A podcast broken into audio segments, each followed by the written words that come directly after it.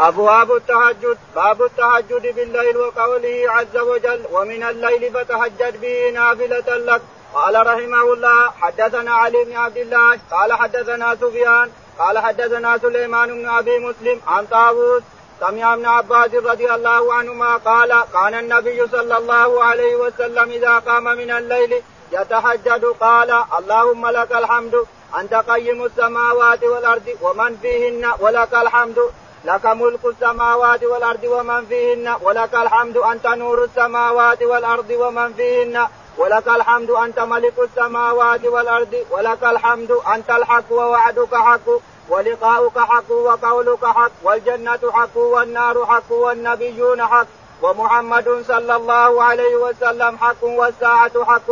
اللهم لك أسلمت وبك آمنت وعليك توكلت وإليك أنبت وبك وبك خاصمت. وإليك حاكمت فاغفر لي ما قدمت وما أخرت وما أسررت وما أعلنت. أنت المقدم وأنت المؤخر. لا إله إلا أنت أو لا إله غيرك. قال سفيان. وزاد عبد الكريم أبو أمية. ولا حول ولا قوة إلا بالله. قال سفيان. قال سليمان. ابن أبي مسلم. سمعه من طاووس. عن ابن عباس رضي الله عنهما عن النبي صلى الله عليه وسلم. يقول البخاري رحمه الله أبواب التهجد أبواب التهجد وتهجدها اللي مضى قبل الأبواب سوا سوا إلا أن البخاري رحمه الله يأتينا بالدعاء الأدعية التي وردت في الصلاه عليه الصلاة والسلام فالأول تهجد فعلا وهنا تهجد بدعاء. يدعو قبل اذا قام من النوم قبل أن يصلي وقبل أن يستمر بالصلاة يدعو الأدعية. أحيانا آخر آل عمران ان في خلق السماوات والأرض واحيانا هذا الدعاء اللي ورد وإن كان هذا الدعاء الصحيح أنه ورد في منصرفه من الطائف. حينما هزموه أهل الطائف وثقيف وادموا رجليه جاء إلى نخلة وهو يدعو بهذا الدعاء. فأتاه ملك الأخشبين ملك الأخشبين. قال يا محمد قد سمع الله دعاءك وقد أمر أن يطبق عليهم الأخشبين، الأخشبين ملك هلال اللي ورانا هذا من المسفلة إلى عرفات يسمى هلال اللي فيه المروة. وملك وخندمة من المسفلة إلى عرفات هذا اللي في خندمة. ولها رؤوس كل راس يسمى جبل. كل راس له اسم من الأسماء موجودة في تاريخ مكة. أسماء هذه الجبال موجودة في تاريخ مكة. هذا تسمى خندمة من المسفلة إلى عرفات. وهذا إلال من المسفله إلى إلى عرفات كل الاثنين. والوادي وادي إبراهيم بين بين الجبلين هذه. وادي إبراهيم عليه الصلاة والسلام بين الجبلين. فأتاه ملك الجبال فان الله أمرني أن أطبق عليهم الاخشبين بس مني قال لا أنتظر لعل الله أن يخرج من أصلابهم. من يعبد الله وحده لا شريك له. حقق الله أمنيته وهداهم هم بأنفسهم وأخرج من أصلابهم من فتح الفتوحات ومصر الأمصار. الشاهد أن الدعاء هذا ورد في منصرفه من الطائف والآن بخاري وعائشة تقول إنه عند قيامه من الليل جائز إنه استمر على هذا الدعاء اللي دعاه في منصرف من عرفة استمر عليه ليلا. جائز هذا. يقول البخاري رحمه الله. نعم. باب التهجد بالليل وقوله عز وجل ومن الليل فتهجد به نافلة لك. باب التهجد بالليل. قال ومن قال الله تعالى ومن الليل فتهجد به لك نافلة لك عسى أن يبعثك ربك مقاما محمودا. حقق الله العسى هذه من الله حقا. العسى من الله حقا تعالى وتقدس وسيبعثه مقاما محمودا كما ورد في الصحيحين وغيرها. يقول نعم. حدثنا علي بن عبد الله. حدثنا علي بن عبد الله المديني. قال حدثنا سفيان بن عيينة. سفيان بن عيينة. قال حدثنا سليمان بن أبي مسلم. سليمان بن أبي مسلم. قال عن طاووس بن كيسان. عن طاووس بن كيسان. قال عن ابن عباس. عن ابن عباس رضي الله عنهما. أن النبي عليه الصلاة والسلام نعم. إذا قام من الليل يتهجد قال اللهم لك الحمد أنت قيم السماوات والأرض. إذا قام من الليل يتهجد يدعو بهذا الدعاء. يعني إذا قام قبل أن يكبر قبل أن يكبر يقول هذا الدعاء اللهم أنت أنت, أنت اللهم لك الحمد أنت اللهم لك أنت لك الحمد أنت قيوم وقيام كل واحد. اللهم أنت لك الحمد أنت قيوم السماوات والأرض. لك ولك الحمد. ومن فيهن. ومن فيهن. ولك الحمد. ولك الحمد. أنت لك ملك السماوات والأرض. لك ملك السماوات والأرض. ولك الحمد. ولك الحمد. أنت نور السماوات والأرض. ولك الحمد. أنت نور السماوات والأرض. ومن فيهن. ولك الحمد. أنت ملك السماوات والأرض. أنت ملك السماوات والأرض. ومن فيهن. نعم. أنت الحق ووعدك حق. أنت الحق ووعدك حق. ولقاؤك حق. وقولك حق. وقولك حق. والجنة حق. والجنة حق والنار حق والنبيين حق. ومحمد صلى الله عليه وسلم ومحمد حق عليه الصلاة والسلام حق نعم. والساعة حق.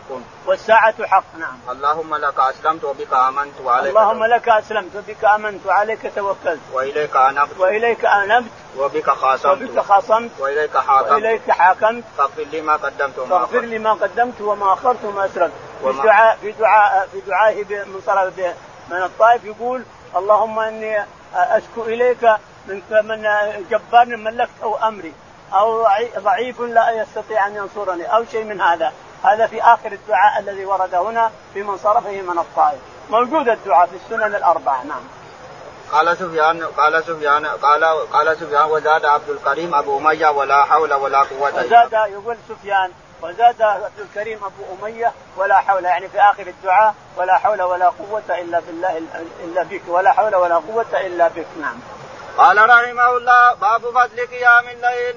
قال حدثنا عبد الله بن محمد قال حدثنا هشام قال أخبرنا معمر وقال حاء وحدثني محمود بن غيلان قال حدثنا عبد الرزاق قال أخبرنا معمر عن الزهري عن سالم عن ابي رضي الله عنه قال كان الرجل في حياة النبي صلى الله عليه وسلم إذا رأى رؤيا قصها على رسول الله صلى الله عليه وسلم فتمنيت أن أرى أن أرى رؤيا أن أرى رؤيا فأقصها على رسول الله صلى الله عليه وسلم وكنت غلاما شابا وكنت أنام في المسجد على عهد رسول الله صلى الله عليه وسلم فرأيت في النوم كأن ملكين أخذاني فذهبا بي إلى النار.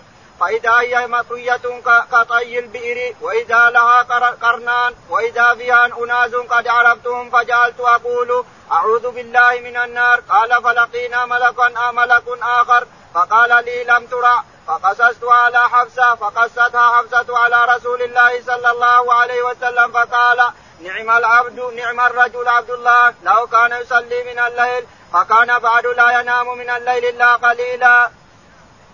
يقول البخاري رحمه الله باب فضل قيام الليل. باب فضل قيام الليل لا شك له فضل كبير. قيام الليل والتهجد بالليل والناس نيام وأنت تناجي ربك في الليل لا شك أن له فضل كبير.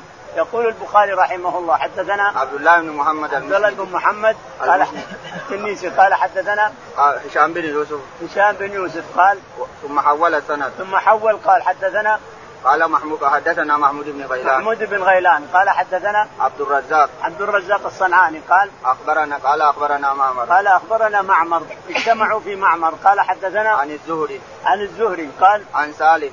عن سالم بن عمر بن بن عبد الله بن عمر. عن أبيه عبد الله بن عمر رضي الله تعالى عنه.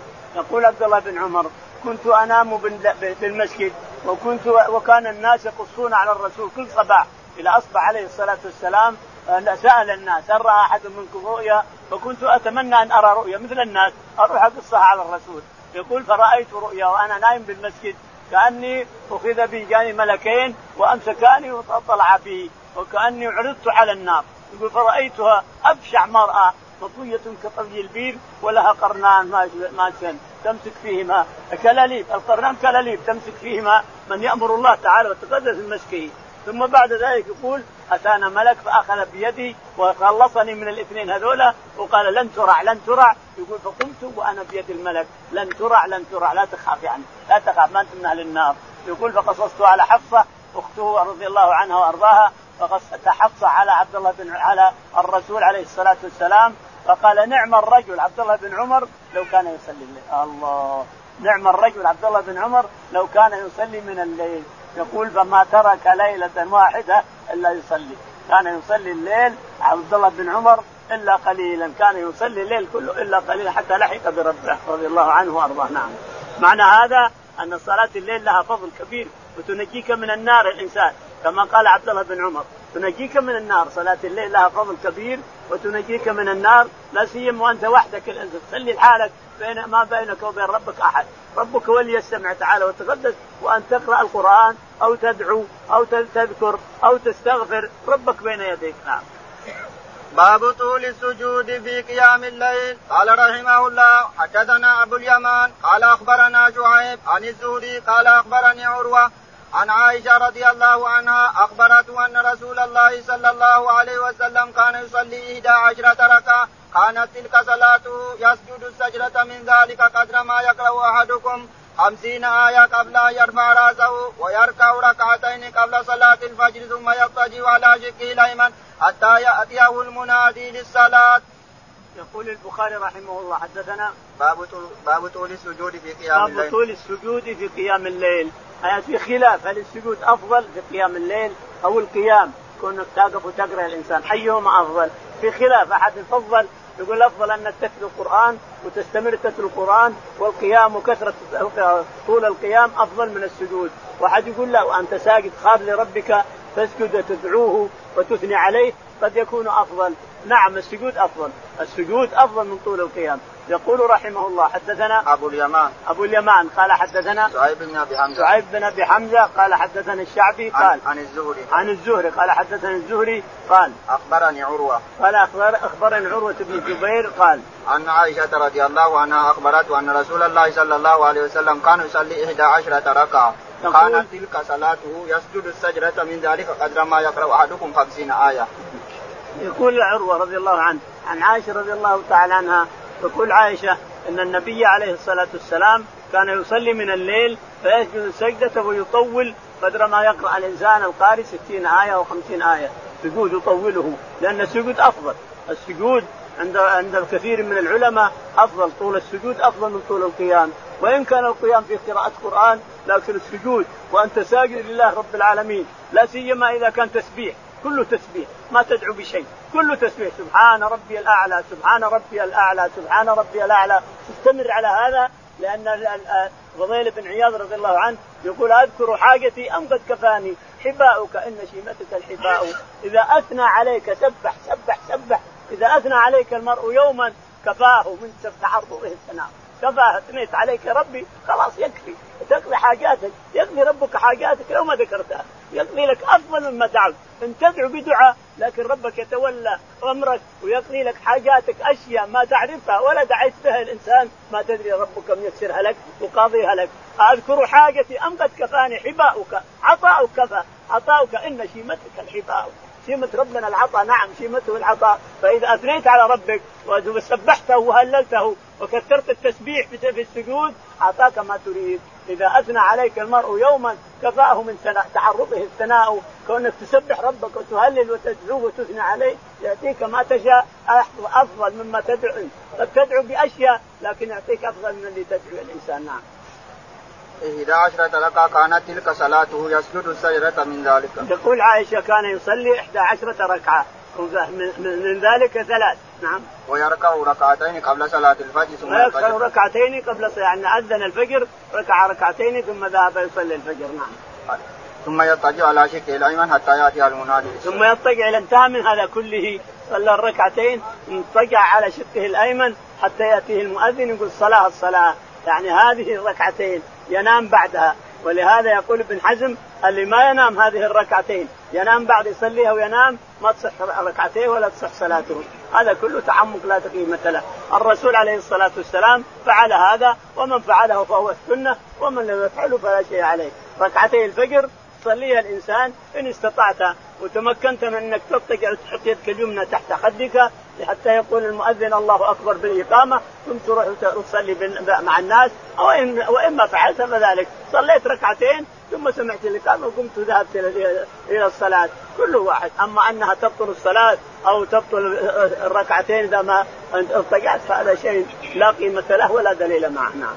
باب ترك القيام للمريض. قال رحمه الله حدثنا أبو نعيم قال حدثنا سفيان عن الأسود قال سمعت جندبا اشتكى النبي صلى يقول اشتكى النبي صلى الله عليه وسلم فلم يقم ليلة أو ليلتين. يقول البخاري رحمه الله باب باب ترك القيام للمريض. ترك القيام للمريض. عاد إذا مرض فالله الذي أمرضه تعالى وتقدس.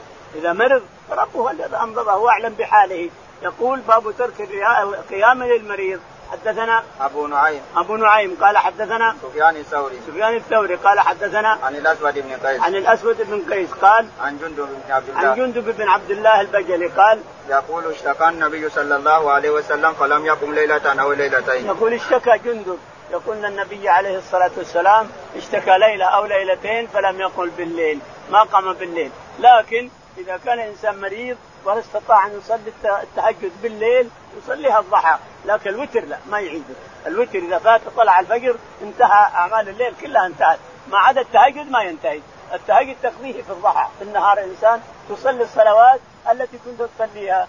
تصلي أربع تسليمات ثلاث تسليمات خمس تسليمات تصليها في الضحى. الوتر ما تعود خلاص. متى ما طلع الفجر انتهى الوتر خلاص. وتر الليل انتهى. لأنك أصبحت يا الإنسان ووتر النهار صلاة المغرب. نعم. قال رحمه الله حدثنا محمد بن كثير قال أخبرنا سفيان عن الأسود بن قيس عن جندب بن عبد الله رضي الله عنه قال اهتبس جبريل صلى الله عليه وسلم على النبي صلى الله عليه وسلم فقالت امرأة من قريش أبطى عليه شيطانه فنزلت والضحى والليل إذا سجى ما ودعك ربك وما قلى. يقول البخاري رحمه الله حدثنا محمد بن كثير. محمد بن كثير العبدي قال عن سفيان الثوري. عن سفيان الثوري قال حدثنا عن الأسود بن قيس. الأسود بن يزيد بن قيس النخعي هو هو الأسود بن قيس يسمونه هو الأسود بن يزيد النخعي. قال حدثنا عن جندب عن جندب بن عبد الله. عن جندب بن عبد الله رضي الله عنه قال قال احتبس جبريل صلى الله عليه وسلم على النبي صلى الله عليه وسلم. قال احتبس جبريل عليه الصلاه يعني احتبس الوحي عن النبي عليه الصلاة والسلام ولم يأتي جبريل عليه. فقالت امرأة من من قريش احتبس عليه شيطان. امرأة أبي امرأة أبي لهب. امرأة أبي لهب أم جميل. قالت احتبس عليه شيطان. هذه اللي سبح الله في سورة تبت يد أبي لهب هو وأم جميل. امرأة أخت أبي سفيان أم جميل فالشاهد أنها نزلت سورة كاملة في سب عمه أبو لهب وسب امرأته أم جميل أخت أبي سفيان. فالشاهد يقول قالت احتبس عليه شيطانه فأنزل الله تعالى وتقدس عليه والضحى والليل اذا سجى ما ودعك ربك وما قلى وللآخرة خير لك من الأولى يعني يرد عليهم والضحى والليل إذا سجى. والليل والضحى والليل إذا سجى ما ودعك ما ترك ربك ما تركك ربك. وما قلاك أيضا. لا تركك ولا قلاك. ولكن الشيء كله بأوامر الله تعالى وتقدس وتقديره. فنزل جبريل بهذه السورة بكاملها. والضحى والليل إذا سجى ما ودعك ربك وما قلى. وللآخرة خير لك من الأولى ولسوف يعطيك ربك وترضى. إلى آخر السورة. نعم. باب تحريض النبي صلى الله عليه وسلم على صلاة الليل والنوافل من غير إيجاب. وترك النبي صلى الله عليه وسلم فاطمة وعليا عليهما السلام ليلة للصلاة. قال رحمه الله حدثنا ابن مقاتل قال أخبرنا عبد الله قال أخبرنا معمر عن الزهري عن هند بنت الحارث عن أم سلمة رضي الله عنها أن النبي صلى الله عليه وسلم استيقظ ليلة فقال سبحان الله ماذا انزل ماذا أنزل الليلة من الفتنة؟ وماذا أنزل من من الخزائن من يوقظ سواحب الحجرات؟ يا رب قاسيات في الدنيا عارية في الآخرة.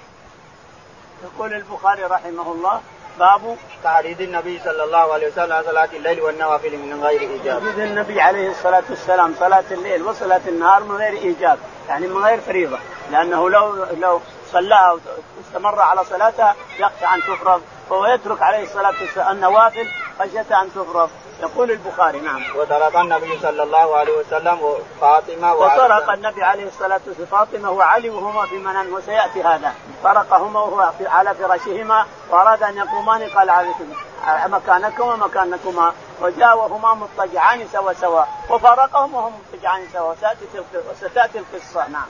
يقول حدثنا محمد بن مقاتل. محمد قاتل المروزي قال حدثنا عبد الله بن المبارك. عبد الله بن المبارك قال حدثنا معمر بن راشد. معمر بن راشد قال حدثنا عن الزهري. عن الزهري قال عن هند بنت الحارث. عن هند الفراسية بنت الحارث الفراسية ويقال لها القرشية. قالت عن أم سلمة رضي الله عنها قالت أم سلمة نعم. أن النبي صلى الله عليه وسلم استيقظ ليلة فقال سبحان الله ماذا أنزل الليلة من الفتنة. تقول أم سلمة أن الرسول عليه الصلاة والسلام استيقظ ليلة وهو عندها فقال سبحان الله سبحان الله ما أكثر ما أنزل من الفتنة ما أكثر ما أنزل أو سينزل من الفتنة. نعم. ماذا أنزل من الخزائن؟ ما يوقظ ماذا أنزل من الخزائن على الأرض؟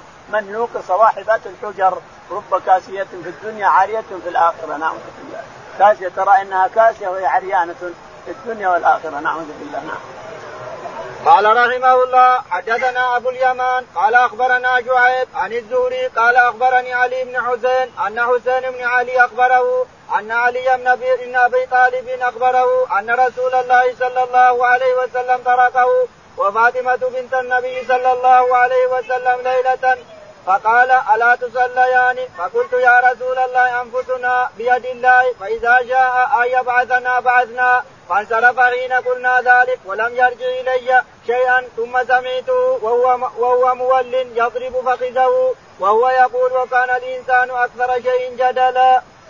يقول البخاري رحمه الله حدثنا أبو اليمان. أبو اليمان. قال حدثنا شعيب بن أبي حمزة. شعيب بن أبي حمزة قال عن الزهري. عن الزهري قال حدثنا عن علي بن الحسين. علي بن الحسين زين العابدين رضي الله عنه قال عن حسين بن علي. عن حسين بن علي رضي الله تعالى عنه عن علي أبيه أن النبي عليه الصلاة والسلام طرقه وفاطمة نايمين مضطجعين على فراشهم الاثنين فطرقهم يعني دخل عليهم عليه الصلاة والسلام البيوت كاليوم ما لها أبواب تقفل وتحجب فطلع دخل عليهم عليه الصلاة والسلام ورأوهما نايمين مضطجعين بجنبيهما فأراد أن يقوم قال مكانكما مكانكما. ثم قال ألا تقوم تصليان؟ فقال علي رضي الله عنه يا رسول الله أنفسنا بيد الله أنفسنا بيد الله. متى ما شاء أن يوقظنا اوقظنا الله. وكان عليه الصلاة والسلام وقافا عند الكتاب عند الدليل. إذا أردت له آية أو أردت حديث وقف عليه عليه الصلاة والسلام. فانصرف وهو يضرب فخذه ويقول وكان الإنسان أكثر شيء جدلا. يجادلون بالقرآن. أنفسنا بيد الله. لا شك أن أنفسهم. لكن نقول لكم قوموا تهجدوا قالوا يا رسول الله أنفسنا بيد الله. متى ما أراد أن يوقظنا اوقظنا وقمنا نصلي. قال سبحان الله. وانصرف ويضحك عليهما ويعجب بالإجابة. ويضرب فخذه ويقول سبحان الله سبحان الله. ما, ما وكان الإنسان أكثر شيء جدلا. يعني إنه يعجب منهما ومن ردهما بالآية. ميسونا بيد الله. نعم. مثل ما أراد أن نقوم قمنا. تعالى الله تقدس نعم. قال رحمه الله حدثنا عبد الله بن يوسف قال أخبرنا مالك عن ابن شهاب عن عروة عن عائشة رضي الله عنها قالت إن كان رسول الله صلى الله عليه وسلم ليدع العمل وهو يحب أن يعمل به خشية أن يعمل به الناس فيفرض عليهم. وما سبح رسول الله صلى الله عليه وسلم سبحة الضحى قط. يقول البخاري رحمه الله حدثنا وإني لأسبحها. يقول حدثنا عبد الله بن يوسف. حدثنا عبد الله بن يوسف. قال حدثنا مالك بن أنس. مالك بن أنس الإمام. قال حدثنا عن ابن شهاب الزهري. عن ابن شهاب الزهري قال عن عروة. عن عروة بن الزبير قال قالت إن كان رسول الله صلى الله عليه وسلم لا يدع العمل وهو يحب أن يعمل به خشية أن يعمل به الناس عروة يروي عن عائشة رضي الله عنها تقول عائشة إن الرسول عليه الصلاة والسلام لا يعمل العمل ولكن يرى أن الناس قد يعملونه. فيفرض عليهم فيترك العمل. يعمل عليه الصلاة والسلام العمل بالليل أو بالنهار فيخشى أن يفرض على الناس فيتركه عليه الصلاة والسلام خشية أن يفرض عليهم. لقد جاءكم رسول من يقول الله تعالى وتقدس لقد جاءكم رسول من أنفسكم من أنفسكم. وفي رواية وفي قراءة من أنفسكم يعني من أعزكم وأشرفكم. لقد جاءكم رسول من أنفسكم عزيز عليه ما عنتم ما يحب أن يعنتكم يترك الأشياء لكن لا تفرض عليكم. عزيز عليه ما عنتم حريص عليكم. بالمؤمنين رؤوف رحيم عليه الصلاة والسلام عليه الصلاة والسلام. الشاهد عائشة تقول إنه كان يعمل العمل ثم يتركه خشية أن يفرض. نعم. وما سبح رسول الله صلى الله عليه وسلم سبحة الضحى قط؟ تقول وما سبح يعني ما صلى سبحة الضحى الرسول عليه الصلاة والسلام قط؟ وإني لأصليها ليش؟ لأن الرسول أمر بها. والأمر يقتضي الوجوب. لأنه حتى لو ما فعلها أمر أبا هريرة وأبا الدرداء رضي الله عنهم. أبو هريرة يقول أوصاني خليلي أن أوتر قبل أن أنام وأن أصلي التشاريق الضحى وأن أصوم من كل شهر ثلاثة أيام. وأبو الدرداء يقول هذا الكلام أوصاني خليلي أن أوتر قبل أن أنام وأن أصوم من كل شهر ثلاثة أيام وأن أصلي الضحى. ما دام أمر عليه الصلاة والسلام فإننا نفعل بأمره حتى لو ما فعله. هو ربما له عذر ولكن ورد في ابن حبان عن عائشة نفسها أنه صلى ثمان ركعات في بيتها. لكن ابن حبان هش سنده هش. ما, ما ليس بحجة. سند ابن حبان هش لأن الثمان مر وإن كان ما فعلها لكن نأخذ بأمره عليه الصلاة والسلام. إذا ما أمر ورأيناه أمر الصحابة هو ما فعلها. لكن خشية أن يفرض لكنه أمر الصحابة أمر أبا هريرة وأمر أبي الدرداء أن يصليان الضحى وأن يوتر قبل أن ينام وأن يصوم من كل شهر ثلاثة أيام. يكفي أن نعمل بأمره لأبي الدرداء وأبي هريرة. نعم.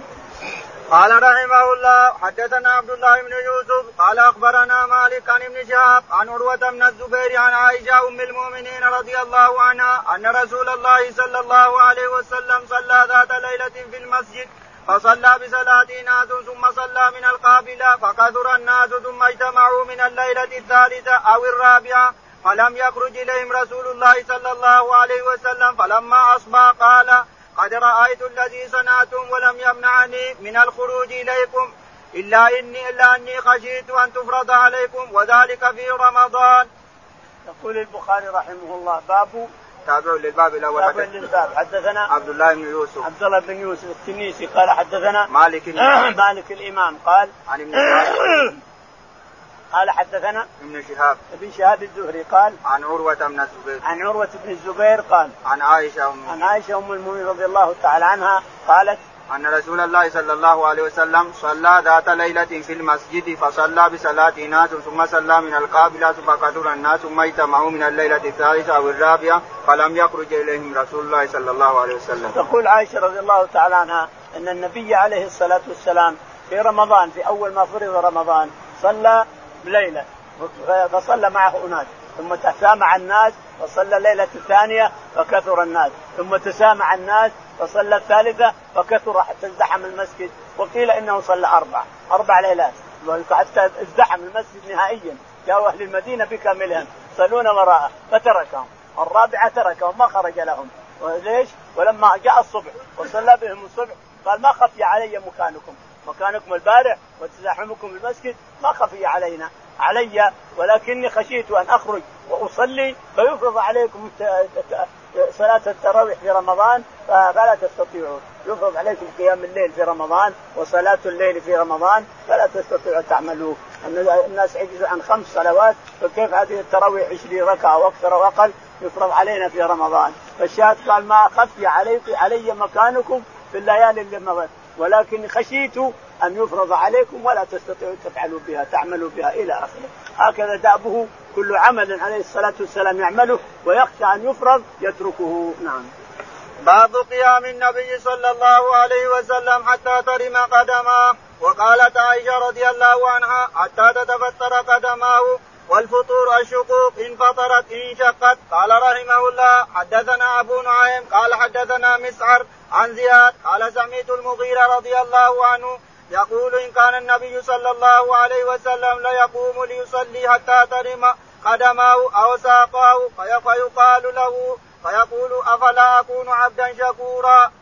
يقول البخاري رحمه الله باب باب قيام النبي صلى الله عليه وسلم حتى قيام الليل قيام النبي عليه الصلاة والسلام بالليل حتى تفطر قدماه. يعني تفطر بعد الورم. في الروايه في الرواية حتى ترم قدماه ثم تتفطر. يعني تورم تنتفخ الرجلين ثم تشقق. تتفطر يعني تشقق. يحصل منها أنها تورم تورم تورم ثم تتفكر تتفجر أو تتفطر هذا الورم إلى آخره. يقول البخاري رحمه الله حدثنا وقالت عائشة رضي الله عنها تتفطر قدماه. نعم. وقالت عائشة رضي الله عنها حتى تتفطر قدماه. وقالت عائشة حتى تتفطر يعني ترم رواية ترم قدماه وعائشة تقول أو حتى تتفطر قدماه. لا تتفطر إلا بعد الورم. إذا ورم تفطر تفطر هذا الورم تشقق يقول البخاري حدثنا أبو نعيم. أبو نعيم. قال حدثنا مسعر بن كدام. نعم. مسعر بن كدام. مسعر بن كدام. قال حدثنا زياد بن علاقة. زياد بن علاقة. قال حدثنا قال سمعت المغيرة رضي الله عنه. قال سمعت المغيرة بن شعبة يقول إن كان النبي صلى الله عليه وسلم ليقوم ليصلي حتى ترم قدماه أو ساقاه. يقول المغيرة إن كان النبي عليه الصلاة والسلام ليصلي حتى ترم قدماه يعني يصلي يصلي يصلي حتى ترم قدماه يعني وتتفطر يخشى أن تتفطر من الورم. نعم. فيقال له فيقول أفلا أكون عبدا شكورا؟ فيقول يا رسول الله غفر لك ما تقدم من ذنبك وما تأخر، ليش تفعل كذا؟ فيقول أفلا أكون عبدا شكورا؟ أفلا أكون عبدا شكورا عليه الصلاة والسلام، يشكر ربه أن غفر له ما تقدم من ذنبه وما تأخر، لكن ما معنى هذا اني اترك العمل؟ أعمل، نعم. باب من نام عند السحر قال رحمه الله حدثنا علي بن عبد الله قال حدثنا سفيان قال حدثنا عمرو بن دينار عن عمرو بن عوس أخبره أن عبد الله بن عمرو بن العاص رضي الله عنهما أخبره أن رسول الله صلى الله عليه وسلم قال له أحب الصلاة إلى الله صلاة داود عليه السلام وأحب الصيام إلى الله صيام داود وكان ينام نصف الليل ويقوم ثلثه وينام سدسه ويصوم يوما ويفطر يوما. يقول البخاري رحمه الله نعم.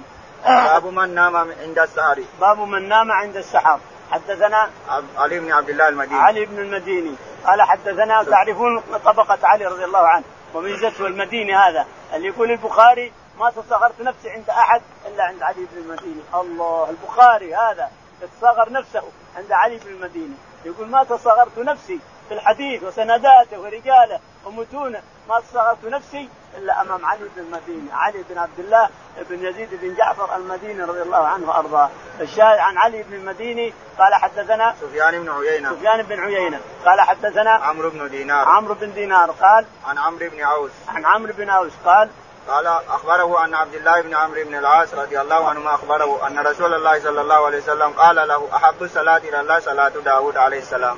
نقول إن عبد الله بن عمرو بن العاص رضي الله تعالى عنه تجادل مع الرسول عليه الصلاة والسلام، عبد الله بن بن عمرو بن العاص يصوم كثير ويصلي كثير، يصلي الليل كله ويصوم النهار كله، فجاء فقال ألم أخبر يا عبد الله بن عمرو أنك تفعل كذا وكذا، بلى يا رسول الله، قال لا تفعل هذا، صم كذا وصم كذا، قال لا أنا أقوى من هذا، قال صم كذا وصم كذا، قال أنا أقوى من هذا، قال صم كذا وصلي كذا، قال أنا أقدر من هذا، قال صم يوما وأفطر يوم، وصلي وصلي ليلة واترك الليلة. قال أنا أقدر. قال ما تقدر. هذا أفضل شيء. صيام داوود. تصوم يوم يفطر يوم ويصلي ليلة يقومها ولا يصلي ليلة الثانية. المهم أفضل الصيام صيام داوود. كان يصوم يوما ويفطر. وهذا هو أفضل شيء. يقول عبد الله بن عمرو بن العاص يا ليتني قبلت رخصة الرسول عليه الصلاة والسلام. لما كبر إيش اللي حصل؟ حصل إنه عجز أن يصلي ولا شيء ولا قليل أيضا. عجز. يا ليتني قبلت رخصة الرسول عليه الصلاة والسلام لما كبر عجز أن يصلي شيء أو يصوم شيء. معنى هذا أن المسلم يلازم على شيء يعرفه ويقدر عليه حتى يلحق بربه. تصلي الإنسان صلوات تقدر عليها تصوم صيام تقدر عليه حتى تلحق بربك. لأن أفضل العمل أدومه عند الله أفضل العمل عند الله أدومه. تديم عليه حتى تموت الإنسان وأنت مديما عليه. صلوات بالليل وصوم بالنهار انظر ما تستطيعه حتى ولو كبرت. حتى لو شخت الإنسان وشيبت وأنت تقدر عليه حتى تلقى ربك هذا أفضل العمل عند الله. لأن عبد الله بن عمر تندم تحسف يا ليتني قبلت رخصة الرسول عليه الصلاة والسلام لكن ما يمكن. الحين فرط فرط. ترك العمل وترك الصوم وترك كل شيء لأنه ما قبل رخصة الرسول. وهكذا اللي ما يقبل سنة الرسول وأمر الرسول يندم في الآخر. نعم. وكان ينام نصفه نصف الليل ويقوم ثلثه. وكان داود عليه الصلاة والسلام ينام نصف الليل ويقوم ثلثه وينام سدسه إلى آخره كما يفعل الرسول في سورة المزمل. نعم. قال رحمه الله حدثني عبدان قال أخبرني أبي عن شعبة عن عائشه سمعت أبي قال سمعت مسروقا قال سألت عائشة رضي الله عنها أي العمل كان أحب إلى الله إلى النبي صلى الله عليه وسلم؟ قالت الدائم قلت متى كان يقوم؟ قالت يقوم إذا سمع السارق. قال حدثنا محمد بن سلام قال أخبرنا أبو الأحوص عن الأشعث قال إذا سمع السارق قام فصلى. يقول البخاري رحمه الله باب تابع للباب تابع حدثنا عبدان. عبدان عبد الله بن جبله قال حدثنا قال أخبرني أبي. أخبرني أبي عبد الله بن جبله بن جعفر. أبوه عبد الله بن جعفر. قال أبوه عثمان. عثمان بن, بن جعفر. عبد الله بن عثمان بن جبله نعم. عن شعبة. عن شعبة بن الحجاج. قال أخبرنا عن شو... عن أشعث بن سليم. أشعث بن سليم. قال حدثنا قال سمعت أبي. قال سمعت أبي سليم قال قال سمعت مسروقا. مسروق الأجدع ابن الأجدع. مسروق سمي مسروق لأنه سرق وهو صغير فسمي مسروق. كان يجلس إلى باب عائشة وينسدح. يتكي يقول حدثيني يا أمة يا أمة حدثينا عن كذا وكذا حدثينا عن كذا وكذا حدثين. وتحدث رضي الله عنها من وراء الستر من وراء الباب نعم. قال قال سألت عائشة رضي الله عنها أي العمل كان أحب إلى النبي صلى الله عليه وسلم؟ قالت الدائم.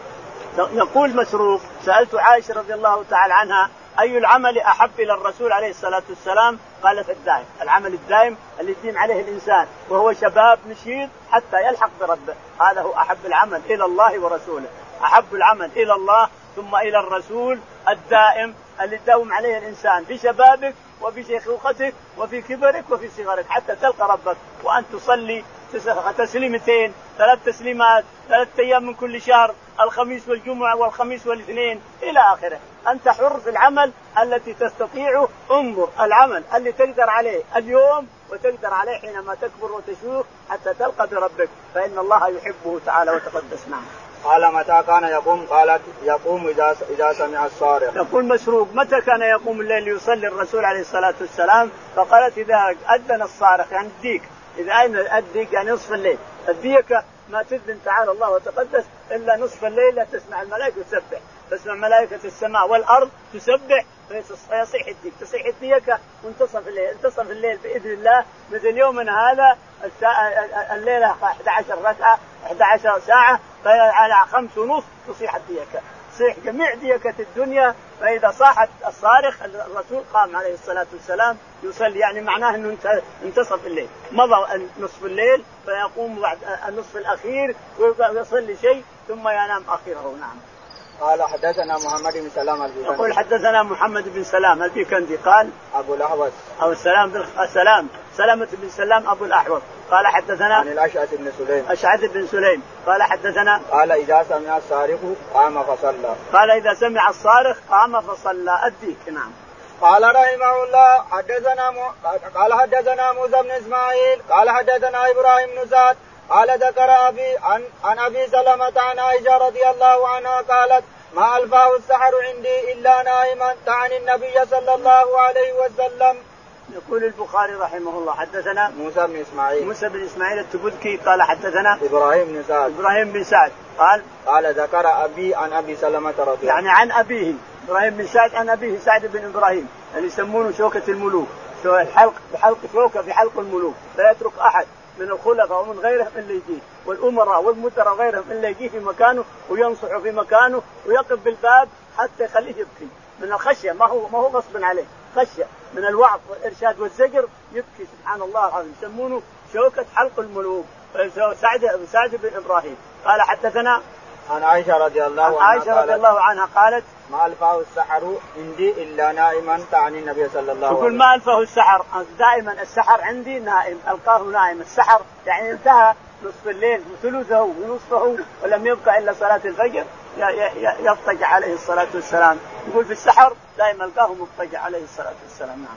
باب من تسحر فلم ينم حتى صلى الصبح. قال رحمه الله حدثنا يعقوب بن إبراهيم. قال حدثنا روح. قال حدثنا سعيد عن قتادة عن أنس بن مالك رضي الله عنه أن نبي الله صلى الله عليه وسلم وزيد بن ثابت رضي الله عنه تسحرا فلما فرغا من سحورهما قام نبي الله صلى الله عليه وسلم إلى الصلاة فصلى قلنا لانس كم كان بين فراغهما من سحورهما ودخولهما في الصلاة. قال كقدر ما يقرأ الرجل خمسين آية.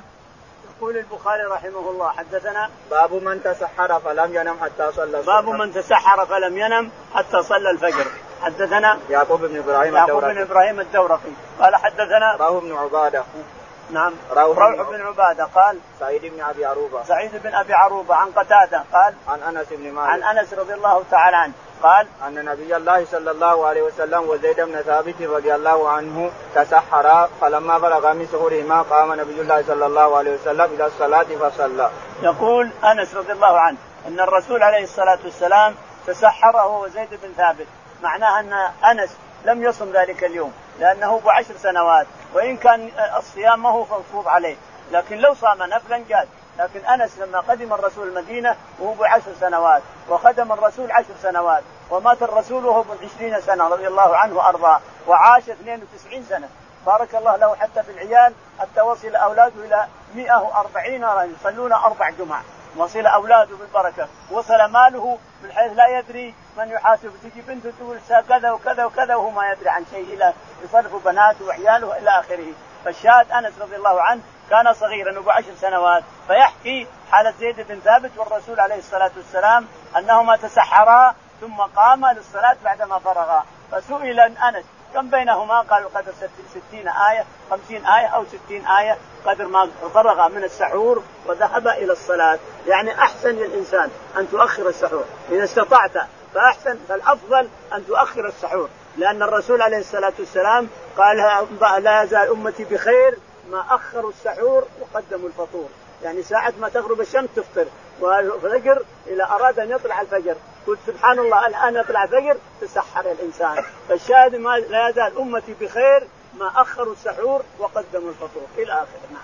باب طول القيام في صلاة الليل. قال رحمه الله حدثنا سليمان بن حرب قال حدثنا شعبة عن العمش عن أبي وائل عن عبد الله رضي الله عنه قال صليت مع النبي صلى الله عليه وسلم ليلة فلم فلم يزل قائما حتى هممت حتى حتى هممت بأمر سوء قلنا وما هممت قال هممت أن أقعد وأذر النبي صلى الله عليه وسلم.